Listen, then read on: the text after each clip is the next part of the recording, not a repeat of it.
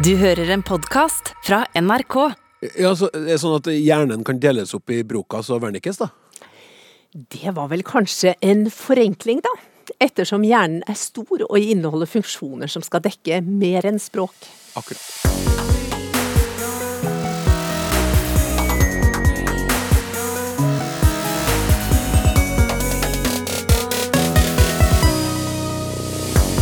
Når en actionhelt må legge ned våpnene fordi ordene ikke lenger strekker til, da undres vi.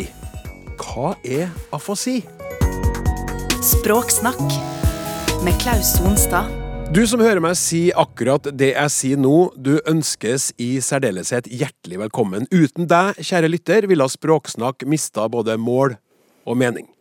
I den aller siste episoden i vårmåneden mai kan vi by på ei sending like frodig som ei diger natureng full av markblomster. Rektor Olaf Husby ved Språksnakks egen fonetikkskole ringer snart inn til vårsemesterets andre forelesning.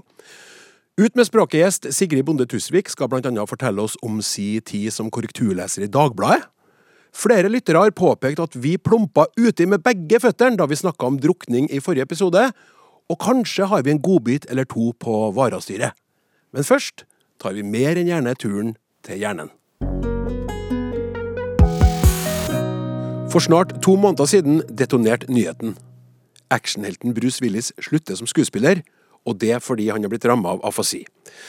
Bruce Willis har blant annet redda dagen og en hel rekke sivile liv i ikke mindre enn fem Die Hard-filmer, hvorav de to første må kunne sies å være de beste, spør du meg.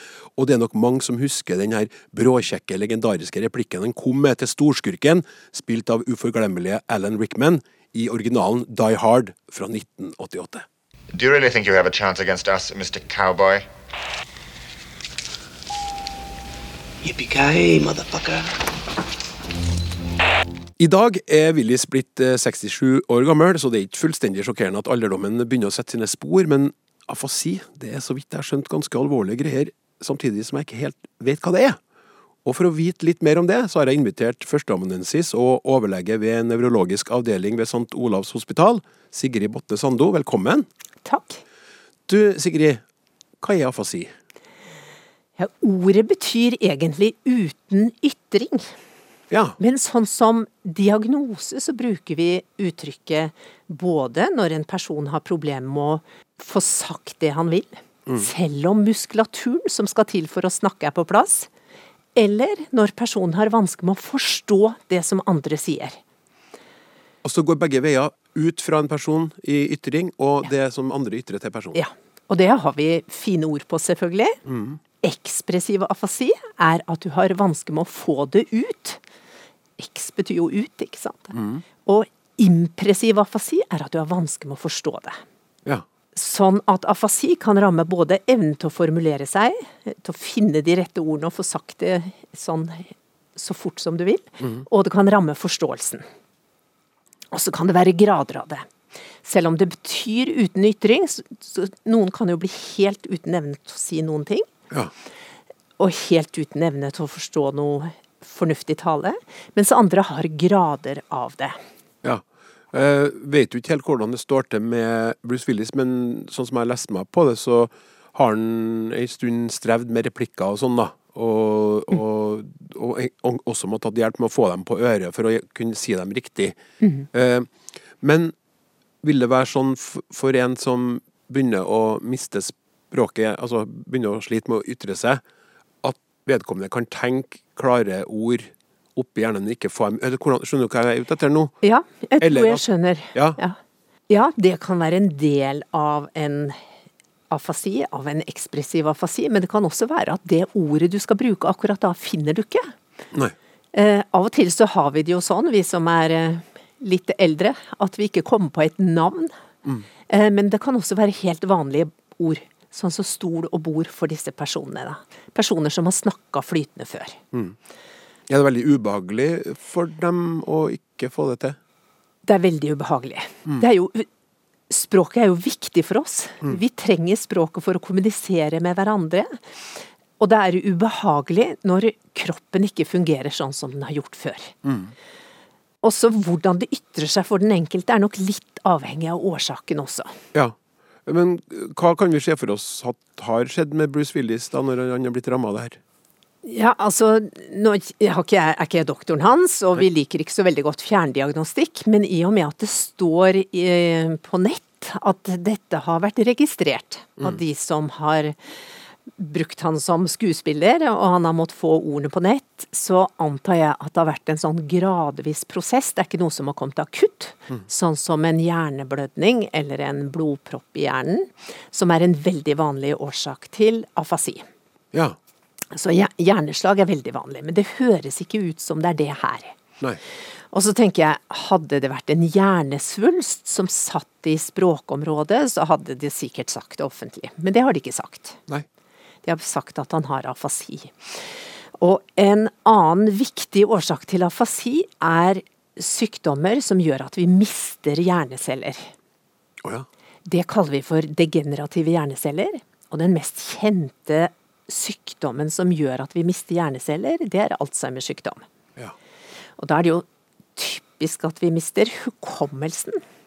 Det er fryktelig ubehagelig. Da blir eh, verden litt mer kaotisk. Eh, Men man kan også miste språket ved Alzheimers sykdom. Og da er det en gradvis prosess som starter i det stille og gradvis forverrer seg, fordi at man taper hjernecellene gradvis. ja. Så Alzheimers sykdom er en mulighet, og så fins det en annen demenssykdom som heter frontallapsdemens. Frontallapsdemens. Ja, og det betyr at den rammer pannelappen. Du kan også kalle det pannelapsdemens, og det pannelappen er en viktig del av hjernen som sitter helt fortil. Og i pannelappen så sitter også det ekspressive språket. Ja. Og en del av disse pasientene som får en sånn type demens, mister språk. De noen mister det ekspressive, utspråket, og får sagt det de vil, og noen mister forståelse. Og noen mister begge deler. ja. Nå har du nevnt frontallappen, Mm. men hvor i hjernen er det språket lages egentlig? Er det der, eller er det hvor? Ja, det Jeg nevnte er jo to, to navn, Brokas og Wernicke, Ja. tidligere, eller i starten. Og de, de navnene henger fortsatt ved språkområdene.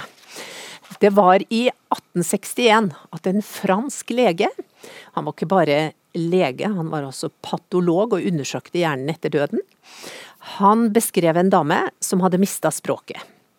Og da hun døde, så tok han ut hjernen hennes og så på den. Og så beskrev han et område i venstre nedre pannelapp som han mente var sete for produksjon av ord. Og det kaller vi fortsatt for Brokkas område. Og på sånne fine plansjer av hjernen så kan man finne Brokkas område som et sånt pent eh, avgrenset område med en annen farge enn resten. Og så, vi bygger jo på hverandre innenfor medisin også, så kom eh, doktor Wernicke noen år senere. Og i 1874 så skilte han da mellom pasienter som ikke fikk sagt det de ville, og pasienter som snakka i vei, men ikke forsto noe av det som ble sagt til dem. Ja. Og så hadde han til pasienter som hadde vansker med å forstå det som ble sagt. Og så beskrev han et område i tinninglappen som har blitt kalt Wernickes område. Og begge de områdene ligger i venstre hjernehalvdel.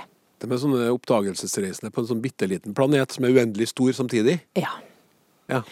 I dag så har mange tatt til orde for at vi må slutte å bruke betegnelsene Wernick og Brocca. Vi bruker dem nå enda, men det er vist at det er et nokså stort område som er større enn de fine fargeplansjene som du finner på nettet, som har ansvar for språket. Men hos de aller fleste av oss så sitter både språk, det å formulere oss, og det å, å forstå, det sitter i venstre hjernehalvdel. Ok.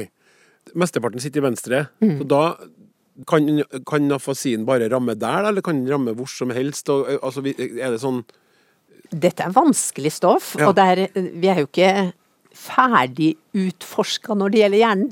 Nei. Hjernen er nokså komplisert. Det er mange forbindelser, og det er mange områder som har flere funksjoner. Men i dag vet vi også at høyre hjernehalvdel betyr en del.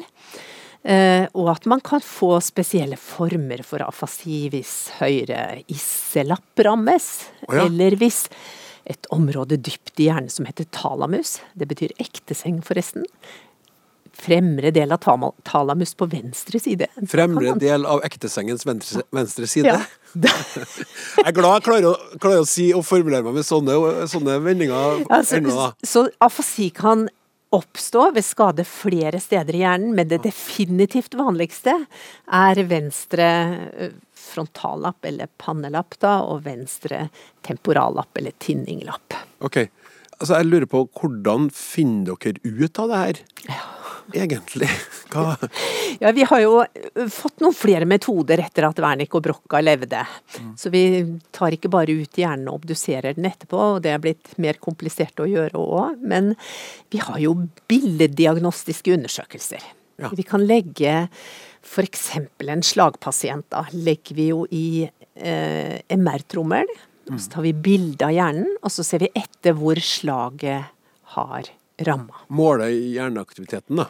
Nei, da Nei. kan vi rett og slett se strukturelle forandringer. Ja, okay. Så vi kan, hvis et område ikke har fått blodtilførsel, så kan det endres da fra hvitt til svart eller svart til hvitt, avhengig av hvilken type MR du tar. da. Men så er det så komplisert at fordi at språkområdet ikke er identisk likt fra person til person, og fordi at hjerner er forskjellige, så kan vi ikke si hvor mye språktap pasientene har på grunnlag av MR-bildet. Da må vi undersøke pasienten i tillegg. Ja.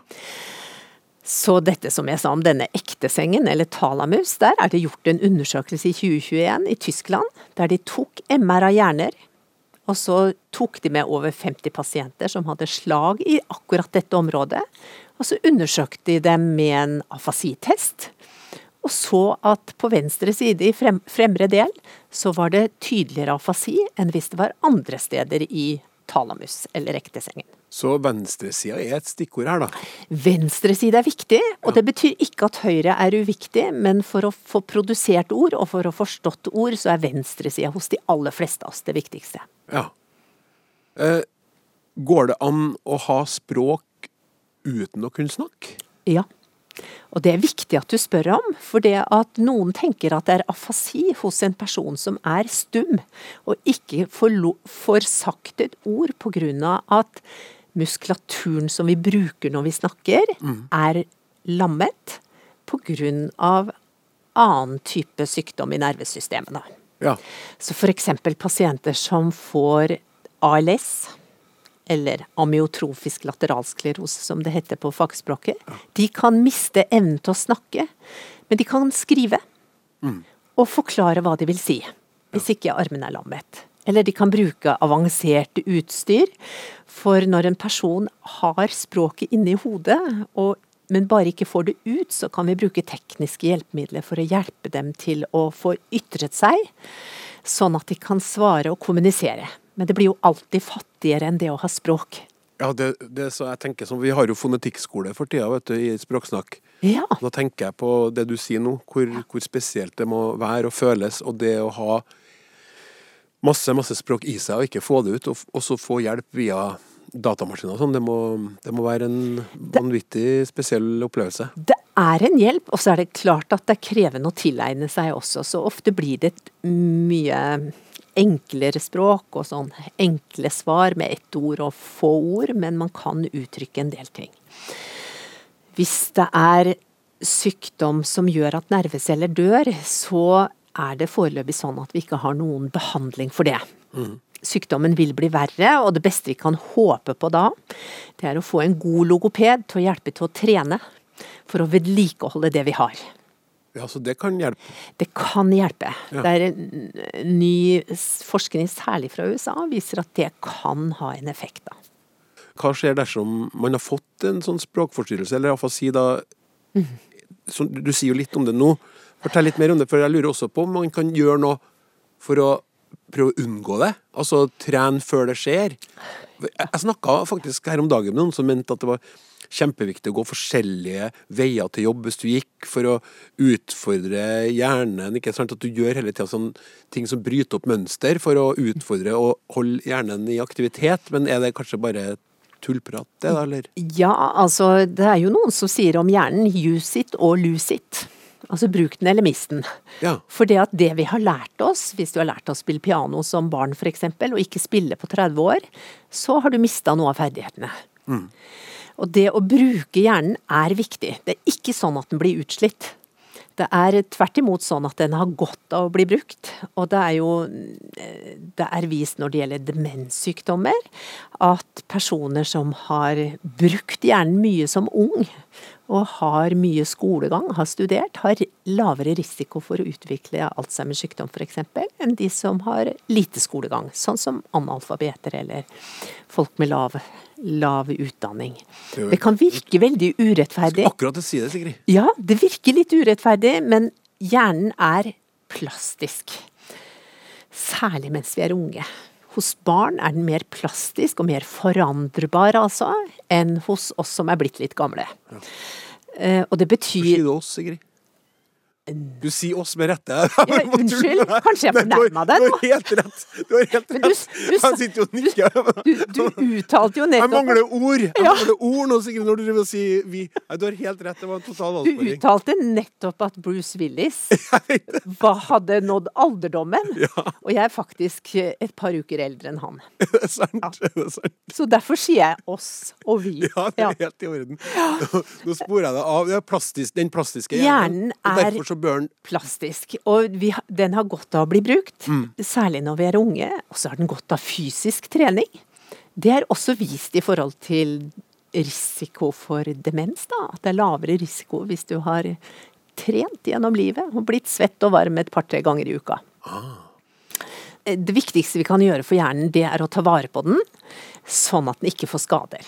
Og så eh, alt det som er bra for hjertet, er bra for hjernen. Å unngå hjerneslag er jo viktig, da. Å unngå disse degenerative hjernecellene, der vi mister hjerneceller, er vanskeligere, men altså lavere risiko hvis vi lever litt smart, da. På, I forhold til risikofaktorer. OK. Eh, så eh, eh, vi må trene hjernen Mhm. og holde oss i form. Det er lov med et glass vin i ny og ne. Det er det. Førsteamanuensis og overlege ved nevrologisk avdeling ved St. Olavs hospital, Sigrid Botne Sando, tusen takk for besøket, og hjertelig eh, og gjerne velkommen igjen. Takk.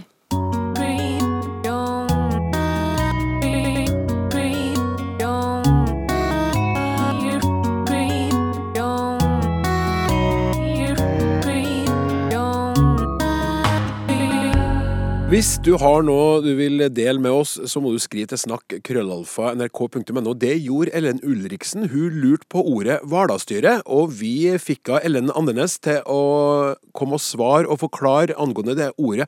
Og det har ledet til at flere har skrevet om det her ordet til oss. Hei, dere i Språksnakk. Morsomt å høre varastyr så grundig forklart i programmet i dag. Har lurt på det samme som Ellen. Jeg er vokst opp i Østfold, men har bodd i Skien, altså Telemark, i over 40 år tror alltid jeg har kjent, hørt og brukt uttrykket, da som varastyr, altså ikke noe L eller noen T til slutt. Med vennlig hilsen Berit R. Rolandsen. Hei! Det var artig å høre utgreiinga om varastyr, Hvalerstyret, i forrige utgave av Språksnakk. Jeg mener det er et ganske utbredt ord, men det er kanskje ikke så kjent blant de yngre. De har jo ikke vært vane med å måtte ha så mye på varastyr. Jeg kjenner iallfall ordet fra Valdres, fra Ål og fra Toten, men jeg har aldri hørt det med tjukk L, og heller ikke med E til slutt. Ellen Andenes sa at ordet står i Norsk ordbok, og der er ubestemt form et varastyre, som i nynorskordboka og bokmålsordboka. Norsk ordbok har belegg fra mange steder på Østlandet, fra Valdres og Vest-Oppland i nord og nedover til Trøgstad i øst, og Telemark og Aust-Agder i vest. Når et ord kan uttales med L i østnorsk og R i vestnorsk, kommer gjerne lyden av norrønt RD, jf. gard, gjerde osv. Her kommer det jo av norrønt vari, så jeg tror at uttalen med L i Horten-området må ha vært ei lokal utvikling, kanskje fordi folk ikke har forstått hva ordet kom av. Beste hilsing Aud Søyland, språkrettar og omsetjar. Takk til spørrer Ellen og språkforsker Ellen som kasta lys over uttrykket på Hvalerstyret i Språksnakk nettopp nå. Når det gjelder utbredelsen av uttrykket, kan jeg tilføye at jeg hørte mora mi bruke det. Hun het Hilda Camilla, født Schmidt, øverst i Sveigårdsgate i Kristiania i 1906. Hun må ha fått uttrykket i Kristiania i første del av 1900-tallet. Jeg arva det på 1950-tallet. Hun brukte alltid uttrykket i form av på varastyret, og det betydde i reserve, eller gjerne på lur. Oppvekstfamilien hennes hadde ingen annen tilknytning til sjøen enn den som måtte skjule seg i at faren var bergenser. Faren min derimot brukte aldri dette uttrykket, han vokste opp på gard i Sørum. Takk for gode samtaler om språklyder, ordbok og språk i journalistikk. Hilsen Erling Sørli, Holmestrand. Og takk til dere som tok dere tid til å dele betraktninger rundt Hvalerstyret Varastyr med oss. Nå er det klart for Apa, Apa, ata, ata, atja, atja, aka. fo, fo, fonetikkskolen. Hjertelig velkommen tilbake til Fonetikkskolen. Jeg sitter her med rektor Olaf Husby. Eh, Han har nettopp vært ute og inspisert uh, ute i skolegården, og det ser veldig ryddig og rent ut. Og nå skal han straks inn og holde uh, Nei da, du har satt deg ned for å holde allerede for å holde andre forelesning i vårsemesteret. Ja. Eh, og nå skal vi rett og slett til det som jeg bruker nå, stemmen. Ja. Jeg bruker jo luft òg, som vi Ja. lærte om sist. Ja. Blitt eh, mye mer oppmerksom på det. Det var veldig artig. Men stemmen, altså. Ja. Og her er det mye, Olaf. Jeg vet at det her har voldt deg litt hodebry. Hvordan skal du klare å si så mye som mulig om stemmen på den tilmålte tid? Ja. Jeg ønsker deg bare lykke til. Jeg skal prøve å gjøre mitt beste for å hjelpe deg underveis. ja. Vi, var i, vi nevnte lungene sist, altså, og vi, stemmen som vi snakker med når vi, nå her, luft ut av lungene, gjennom strupehodet og ut. Og i strupehodet så møter vi da, møter lufta da det her, det som jeg kaller stemmelepper, men som mange kaller også stemmebånd. Bruker ikke- hvorfor, hvorfor kaller du det Nei, for det er ikke et bånd. Altså, det, er, det ligner mye mer på, på leppen her, Ja. egentlig, En, en, enn et bånd å forbinde med noe sånn flatt, stramt. Men her er Jeg har tenkt på det som noe flatt stramt, Ja. av, av den grunn at eh, de fleste sier nei, stemmebåndene. nei, men det ligner mer på leppen. Okay. ikke sant? Greit. Når vi da skal snakke, så, så legger vi de her leppene inntil hverandre, mm. omtrent som vi lukker munnen, og så spenner vi de litt.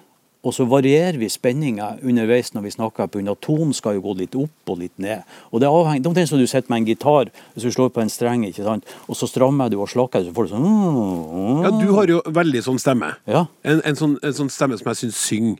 Ja, Den ja, går opp og ned. ja, ja. Mens andre igjen kan jo ha ganske flate stemmer som ligger sånn i leie, og de er ofte bare her. Og nå er jeg skikkelig forbanna, og nå er jeg veldig glad. Kan du merke forskjell? Ja, men, og det er antagelig noe med si, registeret man opererer innenfor. Men altså, det å være menneske og snakke altså Du får de her springingene Så jeg snakker egentlig om noe annet. Det handler litt om mennesketype og sånne ja, ting der. Ja. Dette er noe som vi, vi er nødt altså, Det å, å gå opp og ned det har en effekt på kommunikasjonen, for du bruker det til å understreke bestemte element i, av ord, f.eks. Men det, det skal vi komme tilbake til. Ja. Nå når jeg snakker da, og har satt stemmeleppene ihop og skal begynne å snakke, så slipper jeg ut luftbobler. Og nå skal jeg prøve å lage noen sånne enkle luftbobler. Det krever litt konsentrasjon, men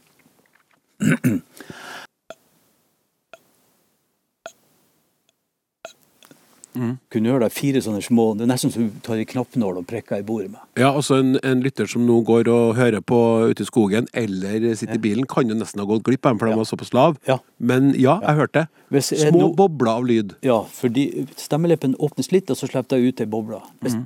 Det, det blir ikke lyd før du får en 20 sånne i sekundet. Da begynner du å oppfatte det som en sånn summing. Og hvis du stiger da oppover til 100 i sekundet, da er du på den stemmen som jeg har. Jeg har ca. 100 sånne bobler i sekundet. 100 svinginger 100 i sekundet? 100 hertz på stemmen min. Det har du òg, du er mann. En dame vil ha la oss si 180-200, et, et, et lite barn vil ha enda høyere. Og det kommer at en, eh, de stemmeleppene hos, hos menn er lengre, de er mer fyldige. Damer har litt kortere, litt tynnere, og barn har enda mindre.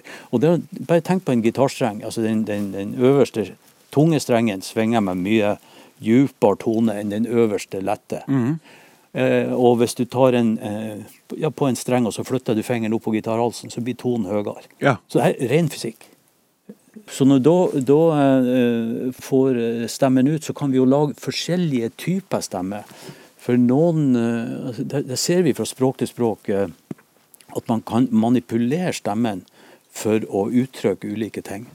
Hvis du, du har barn, ikke sant? Ja. Hvordan snakka du til en, den nyfødte ungen din, sånn når de var én måned? Åh, det er det, er du- våken, du? Har du våkna, du? nå? Ja, har du våkna, lille Lulli? Har du våkna? Du er så god. Du er så fin. Høg tone, kanskje helt opp i falsett. Ja. Ja. Å, nei, men har du våkna allerede? Du har jo sovet så lite, og pappa har også sovet så lite. Og nå er du våken igjen. Så den, det er en stemmekvalitet som vi bruker. Det pussige er jo akkurat den stemmen der, den slutter du sannsynligvis å bruke når ungen din var kanskje seks måneder. Ja. Så er det enda sånn der sosial læring du, du, hvis, hvis du bruker den på bestemte voksne, så er det kanskje en, enten en form for provokasjon eller erting eller noe sånt. Ja. Min stemme nå, det man kaller sånn fullregisterstemme eller brøststemme. Hele stemmeleppet eh, svinger, begge stemmelepper. Men hvis du ved hjelp av muskulatur snevrer inn sånn at bare midten av de svinger litt, grann, så får du den falsettstemmen. Ja. Og i, i det finnes språk hvor når du ber om unnskyldning, så går du over i falsett. Du er liten ja. er, Unnskyld. Ja. Unnskyld. Det var ikke meninga. ja. Ja. Mens til oss så ville kanskje det ha blitt eh, sånn Den der unnskyldninga, den kjøper ikke jeg. Nei. Nei. Nei. Og så har vi jo en, en, en tredje veldig vanlig måte, men det er jo egentlig et fravær av stemme. Og det er jo når vi kviskrer. Ikke sant? For da tar vi stemmeleppen så nært at det blir friksjon. Okay. Altså Når vi blåser luft ut imellom dem, så blir det en sånn Ja. Og så snakker vi på den, den friksjonen. da. Så det blir kviskring. Ja. Det er jo en, en helgelending som var i radioen før på sen kveldstid, som hadde en veldig koselig og varm stemme. da. Luftfylt, og nå spiller vi plater og koser oss. Og Det kaller vi for en luftfylt stemme. Det betyr at stemmeleppene de svinger litt saktere, og så er det ikke så veldig godt lukket i bølla så luft siver hele tida ut. Utrolig artig beskrevet. For det er en veldig koselig stemme. Ja, det er en veldig koselig stemme. Og da er luft som hele tiden siver ut. Ja, Ja. Du har ikke sånn tydelige lukker mellom hver av boblene. Det blir ikke en sånn komplett.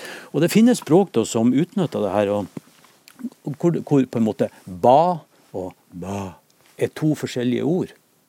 Ba, ba. Ja, det er to forskjellige ord. Det ene betyr pil, og det andre betyr hest, f.eks. Og det er kun stemmekvaliteten som viser hva det er betydninga. Men hva vil du da si, hvor en sånn Når de har de her stemmene som er mer her, Ja, og nå- strammere, og hei sann, hopp sann, hvor det går Det er noe Ja. litt sånn filmavis, Ja. men det er jo fortsatt folk i dag som har det. Altså, jeg syns jo det er veldig vanskelig å forholde meg til deg nå, som sitter med all denne luften på stemmen og er sånn natteperson midt på dagen. Nå strammer du til eh, stemmeleppen. Mm. Og så de får en mye, I stedet for en rund, fin profil, så får de en mye kvassere eh, profil. Og hvis du fortsetter med det, så ender du med knirk, vet du. Eh, Ja. Hvor du får veldig lange eh, lukninger og så korte åpninger. Og jeg, jeg kanskje forteller snart med knirk, men det, ja, det en, det en, jeg, syns ikke det er en sånn behagelig stemme. Nei, det er akkurat det Ja, å tenke sånn er det, er det en kulturelt betinga greie? Fordi at du hørte den første stemmen du sa, det er sånn typisk sånn nattønske. Ja, Det ja. kan vi høre på om natta, men du hadde ikke villet sagt Da skal vi spille en ny godlåt her til alle dere som er ute og kjører i vinternatten på norske veier. Vi smeller i gang med E6 med DDE. Det hadde jo ikke eh, vært noe hyggelig i det hele tatt. Du holder, er no, sånn? holder lytterne våkne, i hvert fall. Ja, det er sant. Det gjør man. Ja, nei, det, og det er det, På samme måte, altså Du kan også bruke knirkestemme for å lage på en måte nye ord. Men, eh, men det, er noen sosiale konnotasjoner med den. Og jeg har en, en, en kollega som, som sa at uh, det korrelerer med, med Eller går i, i, i takt med økende lønnstrinn. Altså, dess større makt og innflytelse du har, dess er knirk bruker du når du snakker. Om det er tilfelle Det er ikke forska på det. Nei, ikke så jeg vet. Nei. Men vi ser jo at, at knirkestemme F.eks. amerikanske uh, unge jenter er jo kjent nå for å bruke mye knirkestemme. Så hvis du går på de her Kardashian og, og, og, og ser på de når de sitter og snakker om hvor vanskelig deres liv er, Ja. så er det mye knirk, altså. Ja. Så det er nok en sånn kulturelt trekk. Eh, Hva de signaliserer, vet jeg ikke, men det burde man skal signalisere at man er ung, rik, amerikansk uh, jente. I thought he loved me, and he did not. And I was Veldig- like, I was veldig- like so unhappy in the Ja. upstates, and I was like, I didn't ever think I'm gonna be happy again, and Ja. but I was Ja. because it came another guy, and he was richer. Unnskyld. Litt for ivrig elever nå. Jeg syns det er så artig, Olav. Eh, du, du hadde jo bra trøkk på stemmen stad når du annonserte denne plata til de som var ute og kjørte bil om natta. Og det er jo et sånt spørsmål, Hvor sterk er egentlig stemmen sånn rent Hvis vi begynner å måle den med, med fysisk Måle den i watt, f.eks. Mm. For du kan jo, Det er jo ingen fare å Du roper jo til en som står 100 meter unna hvis på en måte vin og forholdet. Mm. Og kanskje hvis at du står i ei gate hvor det er vegger på sida, så, så, kan du rope over enda lengre avstand.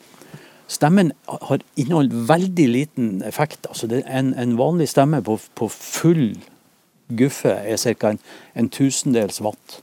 Tusendels watt? Ja. Det var lite. Veldig lite. og Det betyr jo at uh, hvis vi da monterer ei, uh, ei 60 wattspære på Lerkendal, fikk vi lys i den da? Uh, og, og, da må vi være mange? Ja, vi må være 60 000. Så vi får bare så vidt glød jo på Lerkendal. Ja. Vi må ut av landet til en stadion med 60 000 tilskuere som brøler for fullt. Og hvis vi klarer å samle energien deres, så får vi lys i 60 wattspære. Ja. Og det sier bare hvor svak stemmen er. Men så bringer vi inn noe annet som vi eh, må få plass til, og det er litt om øret. For da har vi altså det fantastiske øret som klarer å oppfatte og utnytte den veldig lille energien som er i bevegelse. Ja, for øret er viktig, selvfølgelig. For Hadde ikke det vært der, så hadde vi måttet hatt helt andre stemmer. Ja, kraft, ja, ja, ja, ja, det er klart. Sånn som øret er, så det her er to, to system som er optimalisert i forhold til hverandre. Ja. Så jeg fant et annet sånn artig fun fact. Altså, hvis, du ha, hvis, du har en kaffekopp som du har glemt igjen om kvelden, så står den om morgenen og det er en 20 grader eh, varmt, og du, litt, og du, vil gjerne ha den varm fort, og du kunne egentlig sette den i mikroen, så kunne du brøle og kanalisere energien fra munnen da, inn i kaffen. Ja. Vet du hvor lenge du måtte brøle for å få den opp på 85 grader? Nei. To år. Den mest usaklige funfacten har blitt presentert for i hele mitt liv. Men selvfølgelig en nydelig ting å ta en søndagsmiddag. Ja, ja. Forresten, når vi nå sitter her og drikker kaffe, og to år senere Og der, nå er den blitt varm igjen, kaffen. Ja, nå er 85 grader. Nå, nå kan vi ta.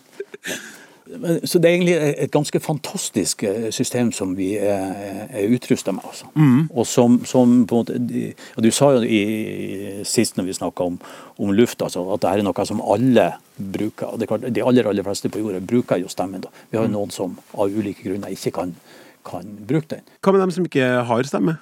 Ja, Det finnes faktisk måter å gi de stemme på. Altså, en, en, en, det finnes en teknikk som heter øsofagusstemme. Da svelger du luft ned i magen. Og gjennom trening så eh, raper du den opp, og så klarer du å lage en slags stemme på den rapen. Jeg, jeg, altså ja. nå, nå, nå, skal jeg spørre deg om noe. Ja. Nå, nå, fleiper jeg ikke. Ja. For jeg skjønner at dette er jo alvor for dem det gjelder. ikke sant? Men jeg har jo tidligere, tidligere hadde, da mine eldste var yngre, mm. så gjorde jeg, synes jeg var veldig artig å rape alfabetet. Jeg fikk til det. Ja. Er det, snakker, er det prinsippet, da? Ja, og du kan si, og grunnen til at du vil f.eks. kunne rape alfabetet, er at du har ikke strupehode, du har strupekreft eller noe annet som har gjort at strupehodet er fjernet. Og da har du ikke mulighet til å lage stemme. ikke sant? Mm. Så da kan du bruke den her øsofagus, eller den her mageluftstemmen. da. Hvordan får du forma hvor, Ja, du, altså Munnen munn går, munn er et uavhengig apparat som går av det her. Det skal vi komme til, hva munnen gjør med, med, med stemmen. Nå tenker du bare på råvaren til å lage språk. ikke sant? Ja. Og En annen uh, ting som du kan, uh, som man kan in installere i dag, er en, en slags hva skal jeg for å si litt flere på, sånn slags 17. mai-fløyte nesten, så du setter i, i, i, i luftrøret. Så puster du inn de som har sofagustem, de har jo et hull i halsen. Da. Så puster ja. de jo inn her. Ja. Hvis du nå trekker inn her, og så har du montert ei, ei 17. mai-fløyte der oppe som, som uh, var, Mm. Så stenger da det puster inn her på halsen, og så blåser jeg ut, så begynner denne fløyta å vibrere, sånn som 17. mai-fløyta Så kan du snakke på den. Nei, sant? Og den tredje måten, det er en sånn, en, du kan kalle en sånn elektrolarring. Så det ligner på en, ja, en, en, en, en barbemaskin, en vibrator. Så du setter bare på halsen. Og så former du munnen som om du vil snakke, og da får du en sånn à la robotstemme ut. Ja, Det er den, eh, det er den, den som jeg har sett på sånne filmer sånn, når folk har fått sånn pga. røyking. Så, ja, ja. ja, de prater sånn som det her. Da vil jeg si til deg, Ola ja. Fusby, tusen hjertelig takk for eh, andre forelesning. Vi gleder oss allerede til nummer tre.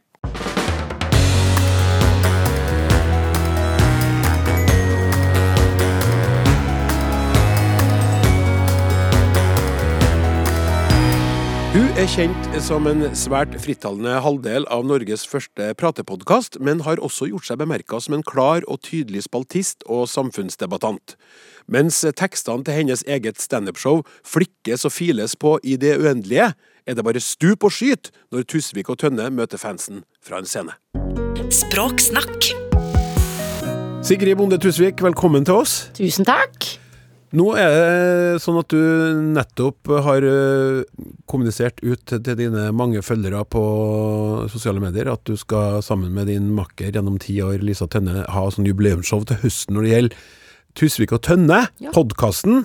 Vi er jo Norges eldste podkast, så det må jo feires. Det er ganske mange år til neste frittstående podkast kan si at de er ti år, så det Vi står alene på pallen. Ja, og, og hurra for det, og alle ovasjoner i din rett, eller deres retning. Jeg tenkte vi skulle snakke litt eh, om uh, Tusvik og Tønne-podkasten uh, litt senere, men eh, først så må jeg jo uh, henlede lytteren uh, på, et, på et program du har laga på, på TV 2 som heter Korps United, Ja! som er et prosjekt som er, så vidt jeg har forstått, ditt hjertebarn. Det stemmer. Det er en idé jeg eh, kom med for fem år siden, og som kanalene brukte litt tid på å bestemme seg om de skulle ha. TV 2 bestemte seg da til slutt, etter fem år. Ja, Eh, Så det var under den forrige flyktningkrisen. Nå kan vi jo si at det er alltid en flyktningkrise, men i Norge så går det litt i, i bølger og daler sånn medieoppmerksomhetsmessig. Mm. Så da kom de på at de ville ha det programmet nå, og det passer jo perfekt. Nå flommer det jo på flyktninger på nytt til Norge. Eh, og det er et integreringsprosjekt, rett og slett, fordi jeg syns eh, ikke vi ser noe minoritetskvinner i eh, media som koser seg, hygger seg, bare for hyggens skyld og ler og har det gøy.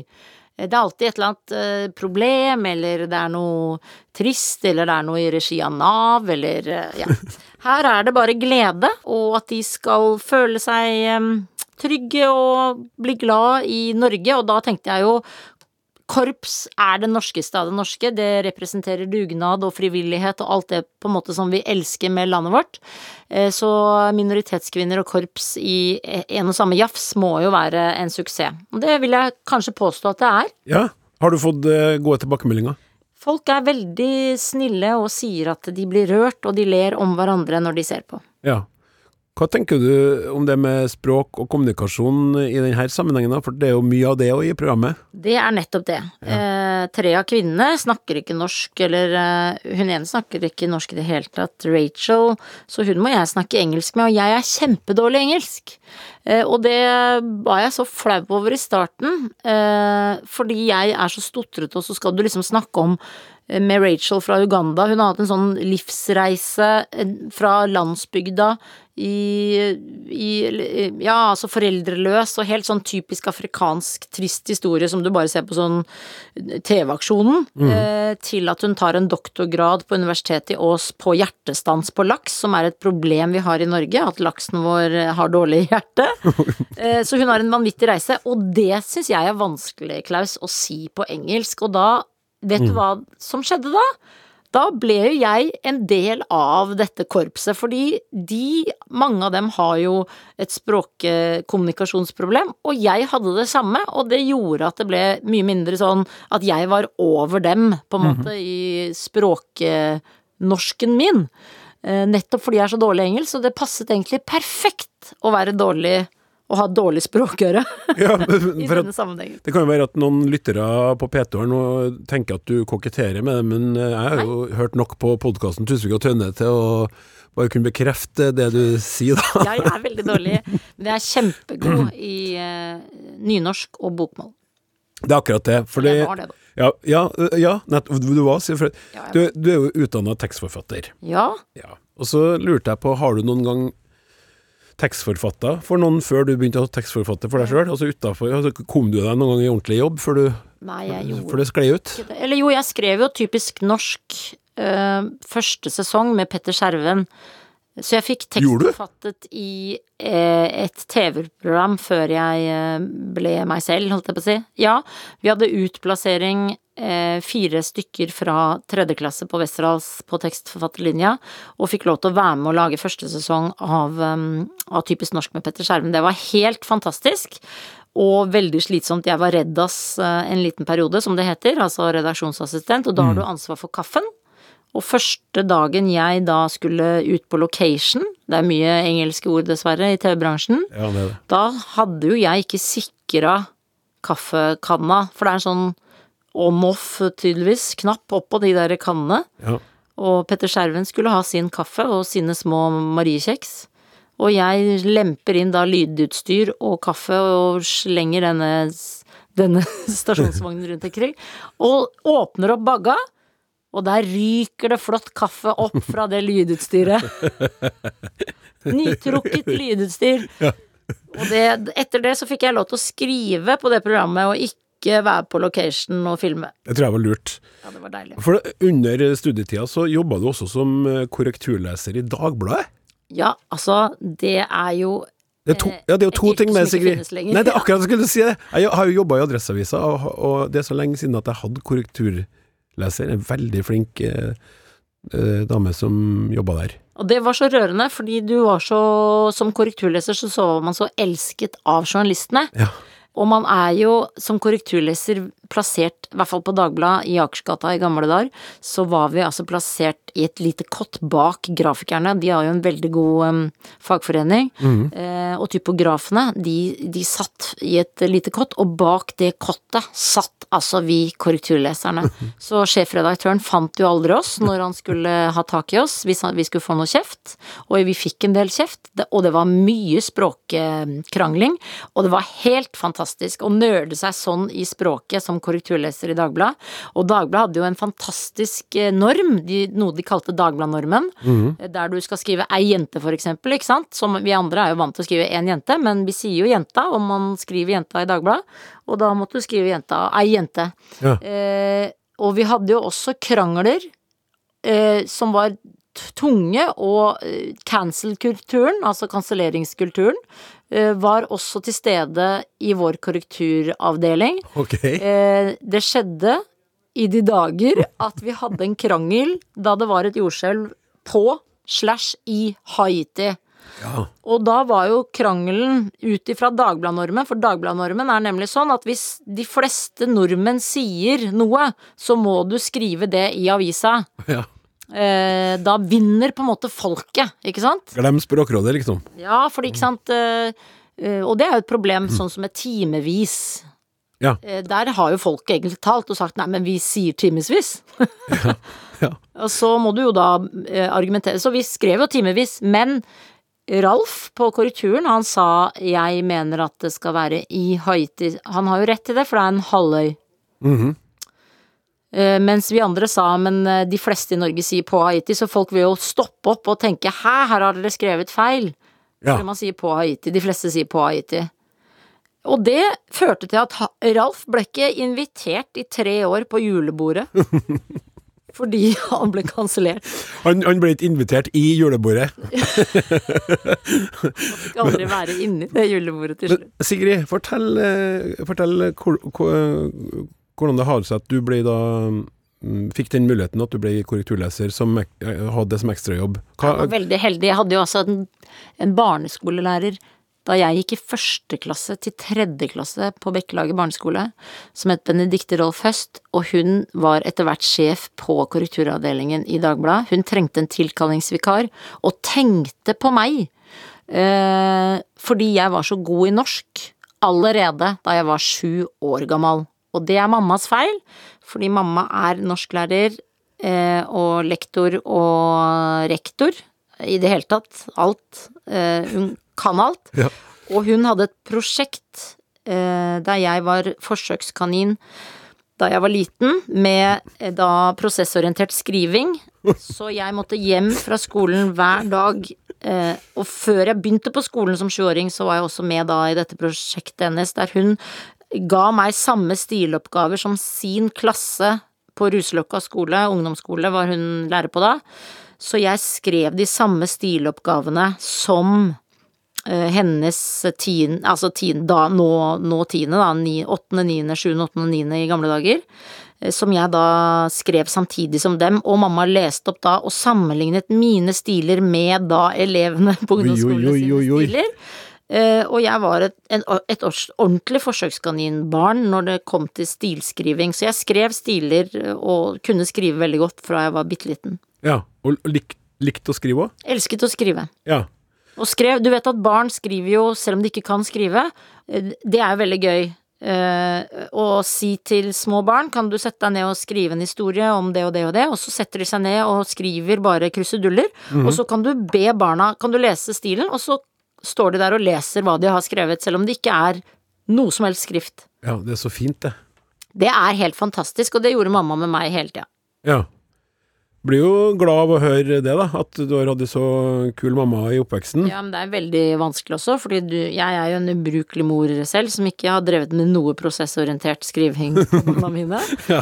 Så det ødelegger jo neste generasjon, selvfølgelig. Ja, og så tenker jeg at det er litt artig, for jeg, jeg fant jo et sånt tips. Du, du ble bedt en gang i et intervju om å komme med tips til eh, gode tips til nye studenter. Og med tanke på det du nettopp har fortalt om skriveglede og sånn, så kunne man jo anta at det kom noe i den retning, men det du sier, det, det tipsene der er alle må gjøre det du har lyst til. Har du valgt feil, så slutt. Ja. Ellers ødelegger du for deg selv og alle rundt deg, og ligg med folk du er keen på. Du kommer alltid til å angre på det senere i livet hvis du ikke fulgte lysten. Det er veldig sant. ja, Veldig gode råd. ja. Der, Dette ga jeg til studenter, ikke sant? Ja, det var til er studenter, ja, ja. Jeg er bekymret for generasjonen alvor, som, som uh, omtrent har giftet seg på en måte i Ja, altså, de er veldig pliktoppfyllende. De er veldig lite rampete. De hadde, e, de hadde liksom én grottefest. Der bomma de veldig, da, med å ikke stenge det aggregatet inn i et bedre rom, så folk ble jo jernskadd. Men, men eh, de, gjennom korona så var de for lite rampete. Ja, jeg er tilbøyelig til å være enig med deg uten at vi skal gå for mye inn på det. Jeg har jo um, unger i, I rampealderen. i, i rampe burde ha vært med rampetalderen, men det kan jeg jo ikke si. Kan jeg det? Det er det. Så det er jo ikke vi som heller skal si det. Og det er fordi vi er rampete, så de er jo i opposisjon. Og det vil si at vi må slutte å være rampete, og det orker jo ikke vi. Så da er vi fanget. Ja. Men du, eh, vi skal nærme oss eh, Tusvik og Tønne-podkasten, den fri, fri- frittalende eh, plassen deres, der dere snakker om absolutt alt. Via eh, spalteplassen din i Dagsavisen, der du skriver eh, hver fjerde uke. Ja, jeg skal Eh, skrive denne uka. Mhm. uh, du skrev om sorg og ja, om din sorg og sorg generelt i høst, og det ble påstått i avisa etterpå at du satte fyr på debatten om sorgpermisjon. Ja. Da knytta du noe du sto i sjøl, opp mot et problem du så i samfunnet. Mhm. Det er jo på en måte litt viktig, tenker jeg, da, når du skriver i en avis, så skal det jo ikke handle om deg, men samtidig så er jo jeg en komiker, så alt jeg gjør går jo ut ifra meg og hva jeg opplever. Mm.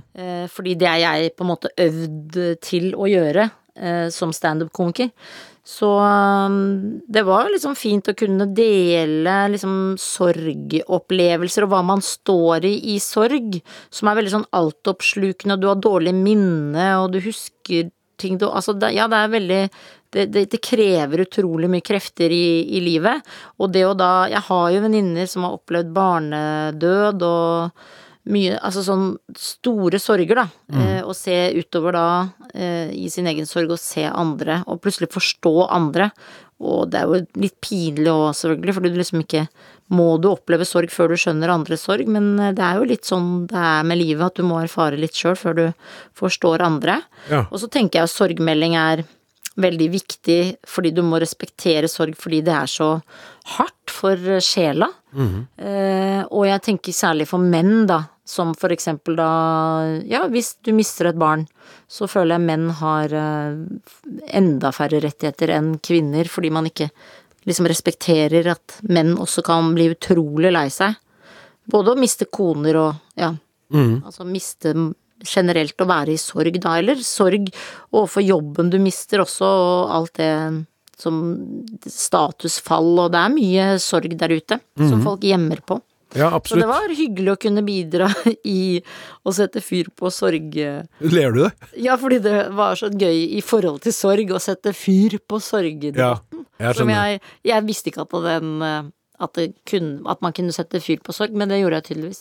Ja, det, du pekte nå på noe som kanskje ikke mange tenker på, at man ikke får eh, du, du, det er ikke noe, du kan ikke skrive til legen 'er i sorg' og må få sykemelding. Du må skrive noe annet, og det var det du pekte på. Ja, og det blir jo da også veldig feil eh, statistikk i landet vårt, ikke sant. Så vi tror kanskje at folk er mer psykisk syke, for eksempel, enn det vi faktisk er. Eh, Vi er kanskje mer lei oss, og det får vi ikke registrert fordi det blir en psykisk sykdom istedenfor at det faktisk er ekte sorg.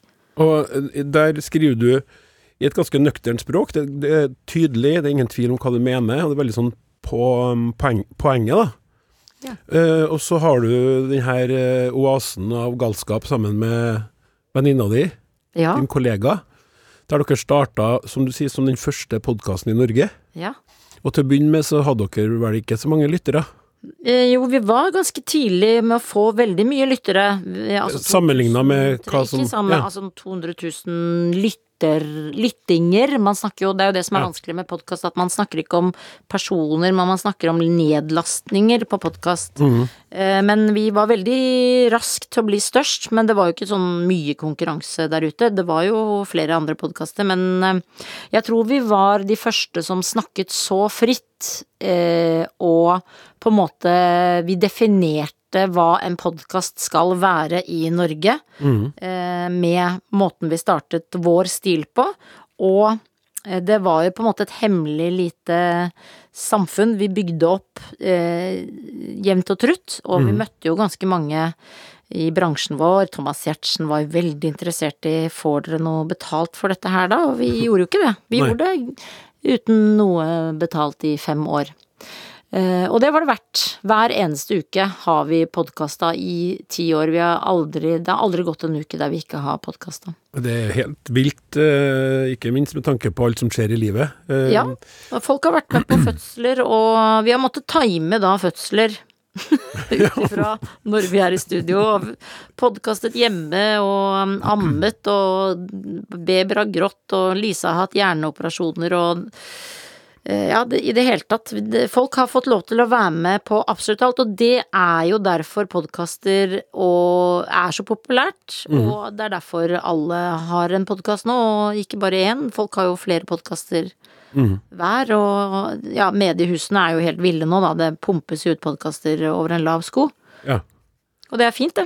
Ja, Men husker du da, da dere skjønte at dere ble hørt på, altså da pressen, dagspressen, som vi skal fortsatt kalle det, da de begynte å skrive om ting dere snakka om, for det, det var vel ikke sånn at de gjorde det veldig mye til å begynne med, kanskje, eller? Nei, det var det første oppslaget tror jeg vi hadde, var at vi hadde kritisert Anne Katt for å kopiere en vits, som vi jo er veldig opptatt av at man ikke skal gjøre. Og som eh, den eldre garde, eller de, altså Anne Katt er ikke så veldig mye mer eldre enn oss, men vi har jo kritisert Truls Svendsen, og vi har kritisert mange, mange komikere for dette opp igjennom, men pressen var veldig opptatt av dette med Anne Katt, da, som vi egentlig hadde i en bisetning. Det var ikke noe veldig viktig for oss, men vi er opptatt av eh, av at det er veldig viktig i vår bransje. Apropos språk, da. At du finner på eget. Og, og det er det vanskelige med å være standup-komiker og komiker. Er å komme på eget, og også uh, være original nok og tørre å på en måte måtte kaste ting, ikke sant. Ikke drive på med samme materiale gang på gang på gang på gang. Så det, men det, jeg syns det viktigste med podkasten er at vi definerte faktisk hvordan alle podkaster presenterer sin episode, med de tre ordene. Vi, Ja, vi startet jo med bokstavrim, men så kom vi på at det gjør vi ikke. Men vi, vi velger tre ord som skal beskrive hva denne episoden handler om. Og det er jeg veldig stolt av, av at jeg vil si nesten absolutt alle podkaster har kopiert. Ja, vi, Og det er det vi som har eh, fått til i Norge. Det var ikke klar over. Bra jobba med det og mye annet der, da. Men eh, hvis vi skal ta, så skru, litt inn i, skru oss litt mer inn i språkarbeidet, så, så lager du også show som komiker. Ja, Eh, Nå har du jo Hex on the Beach. ja, det er mitt sol, første soloshow, Hex on the Beach, som uh, en episode i Tusvik og Tønne faktisk het, og som Knut Nærum sa, det bør jo soloshowet ditt hete. Og han er jo en ordkunstner, så man bør høre på Knut Nærum. Eh, Så det gjorde jeg, og nå har jeg da laget Jeg brukte da to år på å skrive det showet. Ja, hvordan, hvordan jobber du da sånn i, i skriveprosessen? Hvordan foregår det med skriftlig og muntlig arbeid? Ja, egentlig så foregår det jo at du skriver én og én tekst, og så tester du det rundt omkring i landet. Og det hadde jeg jo da lagt opp til, jeg hadde skrevet i et år. Eh, og så det siste året skulle jeg da turnere rundt og teste ut på en måte tekstene, og så former du det da ut ifra hvordan det funker, og det er jo viktig å dra rundt omkring i forskjellige deler av landet, fordi folk ler av forskjellige ting rundt omkring i Norge, og da får du et bedre show som kan dekke hele landet da.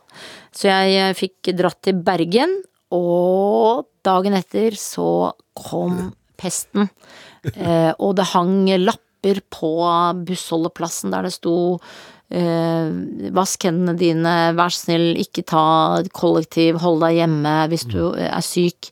Og jeg lo og tenkte herre min hatt. Og tekstredaktøren min, Pernille Johnsen, hun sa legevennene mine sier at du bør ikke fly hjem, eh, så jeg skal ta toget hjem. Og jeg sa herregud, det dummeste jeg har hørt i hele mitt liv, jeg tar fly hjem, jeg. Og så stengte hele landet eh, dagen etter. Ja. Eh, så da fikk jeg aldri dratt til Nord-Norge og til Stavanger og rundt omkring der jeg egentlig skulle, og teste ut. Så da ble dette eh, showet veldig fanget, og jeg og Pernille satt på kjøkkenet og skrev og skrev og skrev hjemme hos meg. Mm. Eh, og hun er en sånn ordmorer, som hun kaller det. Altså hun ordmorer seg med ord. Så hun, Pernille, er utrolig flink til å liksom Hvert eneste lille ord pirker hun på. Og det er veldig lurt å finne Hun er jo ikke komiker, hun jobber i faktisk.no nå, men, eh, men hun hadde sitt eget sånn nyhetsbrev eh, før alle andre hadde nyhetsbrev. Altså hun er litt sånn fremoverlent eh, kvinne. Mm. Og eh, det er veldig lurt å jobbe med noen som ikke er komikere, som på en måte liker språk istedenfor. Ja. Eh, særlig jeg som er interessert i språk. Fordi du blir ikke da lei av setningen du skal si utallige hundre ganger eh, fra hver forestilling. Du nesten gleder deg til den setningen kommer, og hvor vakkert den er laget. Og rett før premieren så, så sitter man jo med setning på setning og flikker altså ord for ord for ord. Det er så vanskelig eh, å lage et soloshow eh, hvis man på en måte ja, er glad i språk. Mm, ja, men, men, jeg er veldig stolt av akkurat det språket i Hex on the Beach er uh, utrolig bra. Hvor tro er det mot det gjennom, altså når du kommer til forestilling eh, 37, da? Hvor, hvor, ja, da hvor likt er det? Ja, jeg tro. Det er helt likt. Jeg sier det. Uh, men jeg legger jo til, jeg har jo måttet skrive det om uh, også litt uh, i løpet av disse to årene. Men uh, jeg uh, er på en måte helt Altså, hver setning skal være sånn som det er, nettopp i respekt for at du har sittet og flikket på setningen nå, da, og du vet faktisk at den funker da. Så det er dumt å begynne å tulle den til. Og den bør være ren. Mm. Mens klubbjobber, der er det helt annerledes. Der kan du jo si hva du vil, og, og improvisere mye mer, og la det på en måte leve mye mer, da. Men store sceneshow på store scener, der bør du liksom holde deg til manus som om du er en skuespiller på et statlig teater. Det gjelder eh, da sikkert ikke eh, Tusvik og Tønnes tiårs jubileumsshow. Der tror jeg det blir sånn knallhardt manus med, med flikking av ord. Det stemmer. Det, det er Men der er vi jo i andre enden. Vi ja, lager jo nye ord. Ja. Eh, og har klart å etablere mange ord. Og, og, det er jo veldig gøy å finne på ord og fjas og fjoll og fjonk og, mm. og, og, Fungfolk, ikke sant. Så det er jo ut ifra yndlingsordet til Lisa som er pung og som hun ikke klarte å uttale lenger da hun ble hjerneoperert for svulsten i hjernen, og da sa bare fung, og så var målet å komme tilbake i ansiktet til at hun klarte å si pung. Så det var jo alle med på den lille reisen da, der Lisa øvde, øvde seg på å si pung, men det har blitt fungfolket, da, med ph, ja, det følger som våre fanskare. Ja. Uh, altså, det er jo sånn at uh, med med mennesker som deg, som er så glad i språk da, og så opptatt av det, så kjenner jeg jo at uh, denne samtalen burde ha fylt timen, for det er jo så mye jeg ikke da rekker å spørre deg om. Ja, men, men det er en god ting for folk at vil ha mer. Ja, det, det i, hvert fall, i hvert fall vil jeg ha det, så får vi håpe at lytteren er enig. Ja, det er sant. Ja. Det glemte jeg at folk også hører på. Ja, men det er jo det, det ene spørsmålet igjen som er fast, da, eh, og det gleder jeg meg veldig til at du skal svare på. Sigrid Bonde Tusvik, ut med språket. Hva er ditt eh, favorittord? Jeg hadde lyst til å si antimakassar, fordi jeg akkurat har tatt toget til Finse med pappa, og vi snakket om dette ordet antimakassar, som altså er det derre teppe, nakkeslengteppe, hva kaller man det hvis man ikke sier antimakassar? Altså nakkebeskyttelsen. Ja? Fordi folk i gamle dager brukte makasarolje i håret, og for at ikke man skulle grise til setene, så hadde man da dette antimakassar som tok imot eh, den makasaroljen, sånn at setene på da toget overlevde. Men så sa søsteren min det er absolutt ikke ditt yndlingsord. Yndlingsordet ditt er dessverre to ord, og det er skjerp deg. så da må jeg kanskje følge søsteren, fordi hun vet dette mer enn meg, og det er dessverre skjerp deg. Ja, ok. Og det er to ord. Ja, det er to ord, det er det, så absolutt. Men du kan jo sette dem så tett sammen som mulig, med et utropstegn bak. Ja. Ja. Tusen hjertelig takk skal du ha, Sigrid Bonde Tusvik, og lykke til med arbeidet. Eller det er, det ikke arbeid med det jubileumsshowet i høst, det er bare bli det. det Nei da, det, vi jobber på eh, Ja. i det skjulte, fordi vi vil jo at det skal være helt unikt, og at du skal, hvis du ikke opplever det de tre dagene vi spiller, så er det er borte. Ja. Det skjer bare i tre dager i, i tre byer. Trondheim, Bergen, og Oslo. Ja, hvis ikke Tromsø klikker da, selvfølgelig, og da må de rope høyt. Ja. Og så får vi se om det blir en ny runde med Korps United. Det spørs jo helt på TV 2. Eh, uansett, tusen takk for at du tok deg tid til å være med i Ut med språket i Språksnakk. Tusen takk for meg!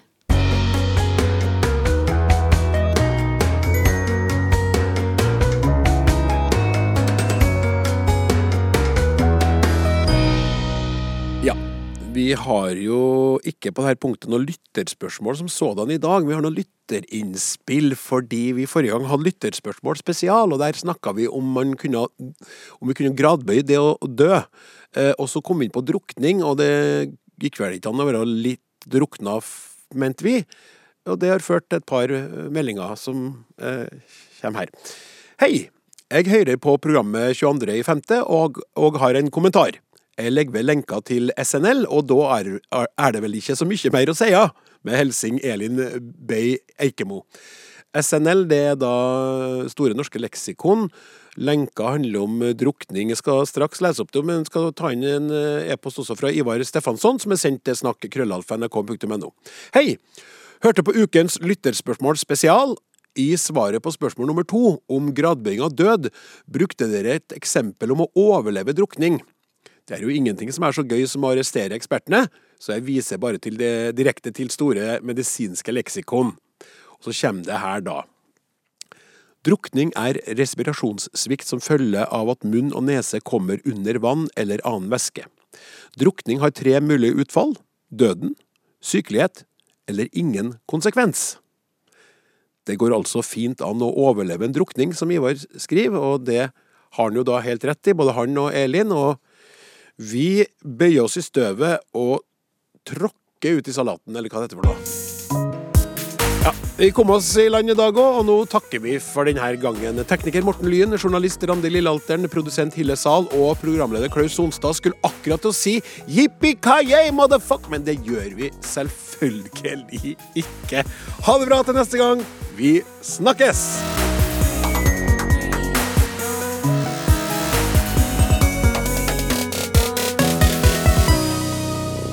Du har hørt en podkast fra NRK. De nyeste episodene hører du først i appen NRK Radio. En podkast fra NRK. Venninna mi har begynt å tro på konspirasjonsteorier. Dattera mi har fått muslimsk kjæreste, og jeg klarer det bare ikke. Har du ei hverdagsutfordring som rører ved dine verdier? Jeg er en hykler om jeg døyper ungen min i kirka uten å tro på Gud. Trenger du hjelp til å finne ut hva du skal gjøre? Hva skal jeg gjøre? Send inn til etikketaten krøllalfa nrk.no. Og det er lov å være anonym. Podkasten Etikketaten hører du først i appen NRK Radio.